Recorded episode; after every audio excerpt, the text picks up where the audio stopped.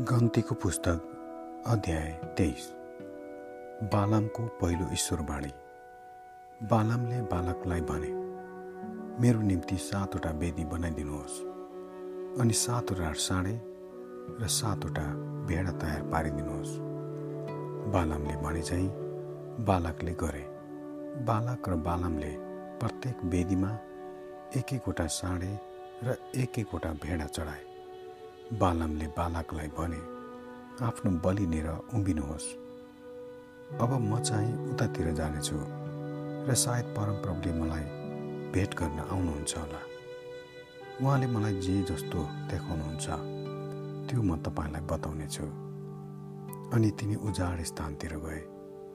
परमेश्वरले बालमसित भेट गर्नुभयो। अनि बालमले उहाँलाई भने मैले सातवटा वेदी बनाएर तिनमा एउटा साँडे र एउटा भेडा चढाएको छु।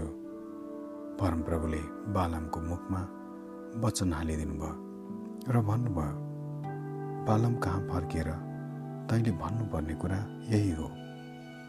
अनि तिनी बालक कहाँ फर्केर गए? यसबेला बालक चाहिँ मुआबका सारा मुख्य व्यक्तिहरूका साथ उनका बलिको सामुन्ने उभिरहेका थिए। तब बालामले यसरी आफ्नो ईश्वर बाणी दिए। आउनुहोस्। मेरो निम्ति याकुबलाई सराप्नुहोस्। आउनुहोस्।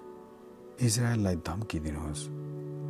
भनी मुआबका राजा बालकले मलाई आरामबाट पूर्वका डाँडाहरूदेखि ल्याए। परमेश्वरले नै नरस नसराप्नु भएकालाई मैले कसरी सराप्नु? परमप्रभुले नै धम्की नदिनु भएकालाई मैले कसरी धम्की दिनु? चट्टानहरूका टुप्पाबाट म तिनीहरूलाई देख्दछु र डाँडाहरूबाट म तिनीहरूलाई हेर्दछु। हेर त्यो त एक्लैले बस्ने जाति हो जसले अरू जातिहरूका बिचमा आफैलाई गन्दैन। याकुबको धुलो कसले गर्न सक्छ? अथवा इजरायलको चौथो हिस्सामा गन्ती पनि कसले गर्न सक्ने? मेरो मृत्यु धर्मात्माको जस्तो होस् र मेरो अन्त तिनैको जस्तै होस्। तब बालकले बालामलाई भने तपाईँले मलाई के गर्नुभयो? मेरा शत्रुहरूलाई शराब दिनलाई मैले तपाईँलाई ल्याएँ। तर तपाईँले त तिनीहरूलाई उल्टा आशिष पो दिनुभयो। तिनले जवाफमा भने परमप्रभुले मलाई दिनुभएको वचन नै मैले बोल्नु पर्दैन र बालमको दोस्रो ईश्वरवाणी तब बालकले तिनलाई भने कृपा गरी मसित अर्को ठाउँमा आउनुहोस्।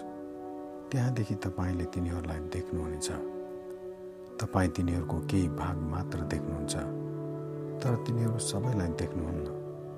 तिनीहरूलाई त्यहीँबाट मेरो निम्ति शराब दिनुहोस्। तब उनले तिनलाई पिसगाको टाकुरामा भएको सोफिमको खेतमा लगे र सातवटा वेदी बनाएर प्रत्येक वेदीमा एक एकवटा साँडे र एक एकवटा भेडा चढाए। बालामले बालकलाई भने म परमप्रभुलाई भेट गर्न जाँदा तपाईँ चाहिँ यहाँ आफ्ना बलि लिएर उभिरहनुहोस्। परमप्रभुले बालमलाई भेट गर्नुभयो र तिनको मुखमा वचन हालिदिनु भयो र भन्नुभयो बालक कहाँ फर्केर तैँले भन्नुपर्ने कुरा यही हो। तब तिनी बालक कहाँ गए? बालक र उनीसँग भएका मुआबका मुख्य व्यक्तिहरू उनका बलिको नजिक उभिरहेका थिए। बालकले तिनलाई सोधे परमप्रभुले के भन्नुभयो? तब बालकले यसरी आफ्नो ईश्वरवाणी दिए ए बालक उठेर सुन यस सिपोरको छोरो मेरो कुरामा कान थाप परमेश्वर डाँट्नुहुन्न कारण उहाँ मानिस हुनुहुन्न। उहाँले मन बदल्नुहुन्न कारण उहाँ मान्छेको सन्तान हुनुहुन्न। उहाँले भन्नुभएपछि के त्यो गर्नुहुन्न र? अथवा उहाँले प्रतिज्ञा गर्नुभएपछि के त्यो पुरा गर्नुहुन्न र? हेर मैले त आशिष दिने आज्ञा पाएको छु। उहाँले आशिष दिनुभएको छ र म त्यसलाई उल्टाउन सक्दिनँ। याकुबमा दुर्भाग्य देखिएको छैन। इजरायलमा विपद देखिएको छैन। परमप्रभु तिनीहरूका परमेश्वर तिनीहरूका साथ हुनुहुन्छ। र राजाको जयध्वनि तिनीहरूका बिचमा छ। परमेश्वरले तिनीहरूलाई मिश्रबाट निकालेर ल्याउनु भएको छ। तिनीहरूको बल जङ्गली साँडेको जस्तो छ। निश्चय नै याकुबलाई लाग्ने कुनै टुनामुना छँदै छैन। इजरायलको विरुद्धमा कुनै जोखना छैन। परमेश्वरले कस्तो विचित्रको कार्य गर्नुभएको छ भनी याकुब र इजरायलको विषयमा अब भनिन्छ। हेर त्यो जाति सिंह नै झैँ उठ्छ। झम्टन लागेको सिंह जस्तै त्यो जुरुक्को उठ्छ जसले शिकार नखाउन्जेल र शिकारको रगत नपिउन्जेल आराम गर्ने छैन। तब बालकले बालमलाई भने तिनीहरूलाई श्राप पनि नदिनुहोस् र आशिष पनि नदिनुहोस्। तर बालमले बालकलाई भने परमप्रभु जे भन्नुहुन्छ त्यो मैले अवश्य गर्नुपर्छ भनेर मैले तपाईँलाई अघि नै भनेको थिइनँ। तब बालकले बालमलाई भने आउनुहोस्।